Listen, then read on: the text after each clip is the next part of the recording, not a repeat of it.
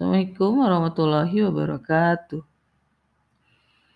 Mari kita lanjutkan pembahasan tentang Bani Israel di ayat 87 sampai 88 surat Al-Baqarah. Setelah sebelumnya kita membahas tentang bagaimana sikap Bani Israel terhadap perjanjian mereka dengan Allah. Apa yang dibahas di ayat 87 sampai 88 ini kita bacakan dahulu kedua ayat itu. A'udzu billahi minasyaitonir rajim. ولقد آتينا موسى الكتاب وقفينا من بعده بالرسل وآتينا عيسى بن مريم البينات وأيدناه بروح القدس أفكلما جاءكم رسول بما لا تهوى أنفسكم استكبرتم وفريقا كذبتم وفريقا تقتلون وقالوا قلوبنا غلف بل لعنهم الله بكفرهم فقليلا ما يؤمنون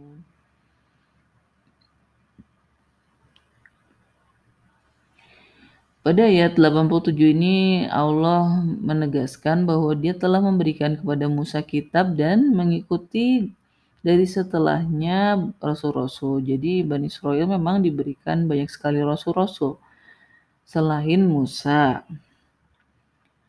Lalu dia juga menyatakan bahwa dia telah memberikan kepada Isa, Isa anak laki-laki Maryam, bukti-bukti yang nyata dan memperteguhnya dengan ruh Kudus, Ruhul Kudus. Lalu Allah mempertanyakan kepada Bani Israel di zaman Muhammad, karena ini juga masih satu rangkaian dengan seruan Allah kepada Bani Israel zaman Muhammad, yaitu apakah setiap kali datang kepada kamu rasul-rasul dengan yang tidak sesuai hawa nafsu mereka, mereka mengakbarkan diri Sebagiannya mereka dustakan, sebagiannya mereka bunuh. Jadi banyak sekali rasul yang didatangkan kepada Bani Israel setelah Musa. Salah satunya juga termasuk di dalamnya adalah Isa. Jadi Nabi Isa diturunkan di uh, kepada Bani Israel. Jadi apa yang diberikan kepada Nabi Isa tidaklah sama di sini disebutkan dengan apa yang diberikan kepada Musa, yaitu eh, penjelasan-penjelasan atau bukti-bukti yang nyata. Sedangkan kepada Musa diberikan kitab. Tapi kita akan lihat bahwa dalam beberapa keadaan akan dijelaskan hal yang berbeda juga. Makanya Ya, ini mungkin hanyalah satu ayat yang menjelaskan satu sisi saja gitu. Sisi-sisi lainnya ya akan dijelaskan hal yang berbeda. Jadi memang begitu cara Quran memaknai atau menceritakan satu kisah, tidak langsung semuanya satu ayat menceritakan semua bagian gitu. Karena itu makanya kita tidak bisa memotong-motong ayat karena semua ayat merupakan satu kesatuan yang harus benar-benar dibawa semuanya. Nah, Musa eh, Allah juga menyatakan bahwa Isa dikuatkan dengan Ruhul Kudus. Apa itu Ruhul Kudus? Banyak orang yang menyatakan itu adalah malaikat Jibril. Tapi di sini disebutkannya dengan nama Ruhul Kudus, ruh yang suci. Nah, kemudian Rasul Allah mempertanyakan Bani Israel. Apakah kalau datang kepada mereka rasul-rasul yang tidak sesuai dengan hawa nafsu mereka, mereka akan mengakbarkan diri. Mengakbarkan diri ini adalah kata yang sama dengan kata yang digunakan ketika iblis mengakbarkan diri terhadap Adam. Jadi lagi-lagi ini adalah salah satu alasan mengapa kisah Bani Israel disimpan di belakang kisah Adam karena memang kebanyak kesamaan-kesamaan terhadap kedua kisah ini. Karena ternyata Bani Israel juga memiliki sikap yang mirip seperti iblis yaitu suka mengakbarkan diri. Jika iblis mengakbarkan diri terhadap Adam, Bani Israel mengakbarkan diri terhadap para rasulnya. Dengan cara apa mereka mengakbarkan diri? Mereka mengakbarkan diri dengan cara mendustakan para rasul dan sebagiannya mereka bunuh. Jadi termasuk salah satu yang mereka bunuh adalah Isa. Mengapa Isa dibunuh? Gitu. Karena mereka menganggap bahwa Isa bukanlah pembawa kebenaran, nabi palsu. Jadi legalitas kebenaran itu bukan sudah bukan di atas di atas rasul-rasul Allah, justru di atas di tangan Bani Israel. Makanya Bani Israel merasa berhak untuk memutuskan ini nabi benar, ini nabi bukan. Luar biasa ya. Padahal yang didatangkan ya jelas-jelas Rasul Allah gitu. Termasuk mereka juga ketika mendustakan Rasul-Rasul Allah gitu ya. Mendustakan ini kan sebetulnya yang kita telah pahami adalah salah satu ciri dari golongan yang fasik yang suka berbohong gitu ya. Suka berdusta. Nah, jadi kalau di sini kan mereka berarti menganggap justru para rasul-rasul Allah itu yang salah gitu, yang bohong gitu. Mereka berba kebalik gitu ya sikapnya. Justru mereka lah menganggap Rasul-rasul itu pendusta. Jadi ya luar biasa ya. Jadi sudut pandangnya bisa sedemikian diubah gitu yang darinya benar menjadi salah, salah menjadi benar. Jadi itu memang luar biasanya Bani Israel ya. Padahal mereka sendiri yang mendustakan Rasul-Rasul Allah itu. Menurut Allah begitu ya. Nah, lalu apa jawab Bani Israel ketika dipertanyakan tentang mengapa mereka mengakbarkan diri terhadap Rasul-Rasul Allah yang tidak sesuai dengan hawa nafsu mereka? Mereka mengatakan bahwa hati kami sudah tertutup. Jadi mereka menganggap bahwa ya apa maksudnya tertutup di sini adalah kata yang baru ya gulf, gulfun. Jadi bukan kata yang sebelumnya kita pernah bahas tentang hati di ayat-ayat tentang awal tentang ciri-ciri golongan fasik yaitu hati yang terkunci, hati yang berpenyakit. Nah, di sini mereka menyatakan bahwa hati mereka sudah tertutup. Jadi mereka tidak mau ya dikatakanlah mereka tidak mau peduli lagi dengan kebenaran versi lain selain yang mereka punya gitulah ya eh, kira-kiranya. Lalu Allah menyatakan bahwa eh, bal tidak gitu ya Allah akan menurunkan laknat kepada orang yang kafir dengan kekafiran mereka dan sangat sedikit dari mereka yang beriman jadi Allah menegaskan bahwa eh, salah gitu mereka tuh salah salah kaprah gitu ya salah sudut pandang gitu bahwa mereka lah yang justru akan mendapatkan laknat karena kekafiran mereka dan hanya sedikit dari mereka yang tergolong orang-orang yang beriman. Di juga ada yang mufasir yang menyatakan bahwa hati mereka yang tertutup itu adalah salah satu bentuk laknat Allah gitu. Jadi mereka sampai tidak peduli dengan apa yang dibawa rasul-rasul itu yang kata mereka mereka menutup diri gitu ya. Jadi kan dari versi manusianya sendiri berpikir bahwa oh saya kan memang menutup diri gitu terhadap kebenaran versi kalian gitu ya. Tapi Allah menyatakan bahwa eh, keinginan untuk menutup diri itu adalah salah satu bentuk laknat karena kekafiran mereka gitu.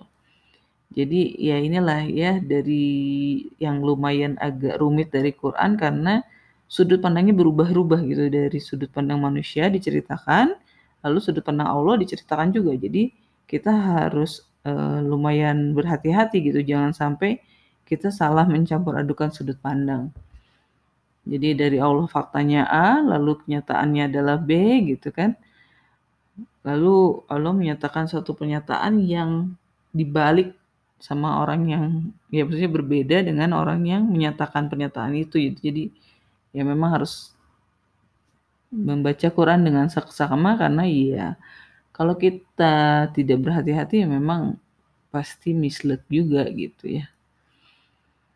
Nah, jadi e, begitulah dua ayat awal tentang bagaimana Bani Israel menyikapi rasul-rasul dan kebenaran apa yang dibawa kebenaran yang dibawa rasul-rasul itu pada dua ayat ini Allah menegaskan bagaimana sikap Bani Israel terhadap rasul-rasul sesudah Musa.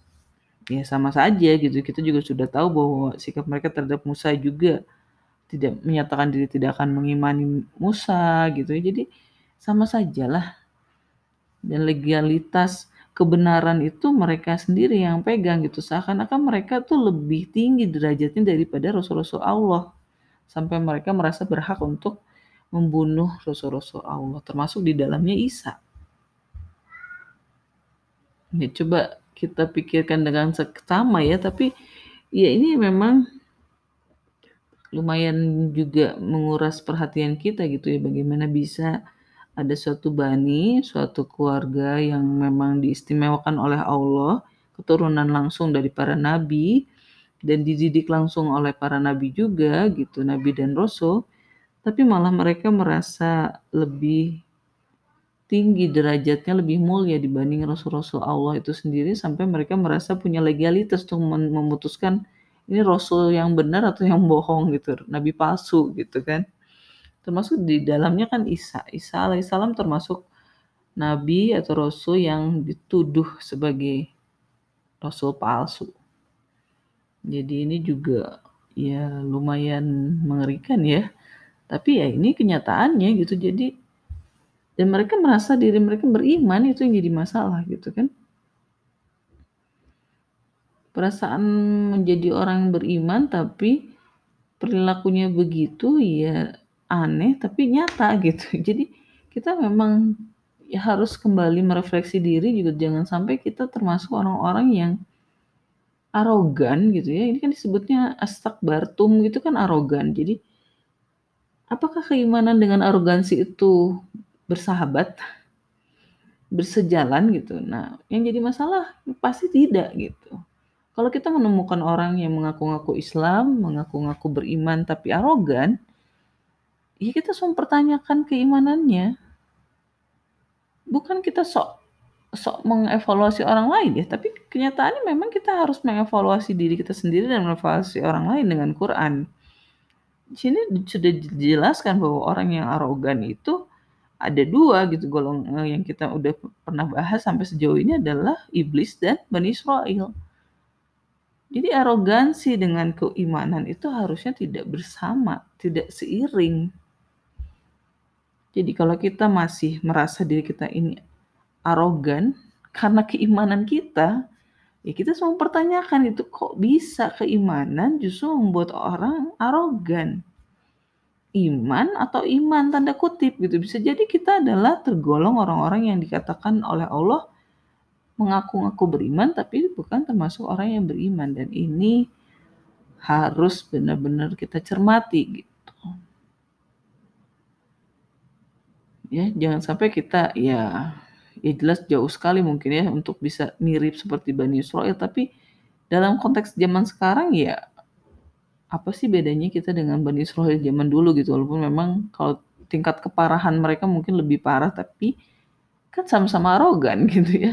Jadi kita jangan hmm, pura-pura menutup diri menganggap bahwa oh itu kan Bani Israel itu lebih parah gitu kan. Iya mungkin iya tapi kalau kasar kita ambil titik temunya gitu bahwa kita sama-sama arogan dengan mereka hanya karena kita merasa diri kita beriman ya dulu apa bedanya kita dengan Bani Israel ya. Jadi jangan ngambil yang jauh yang ngambil yang dekatnya aja gitu.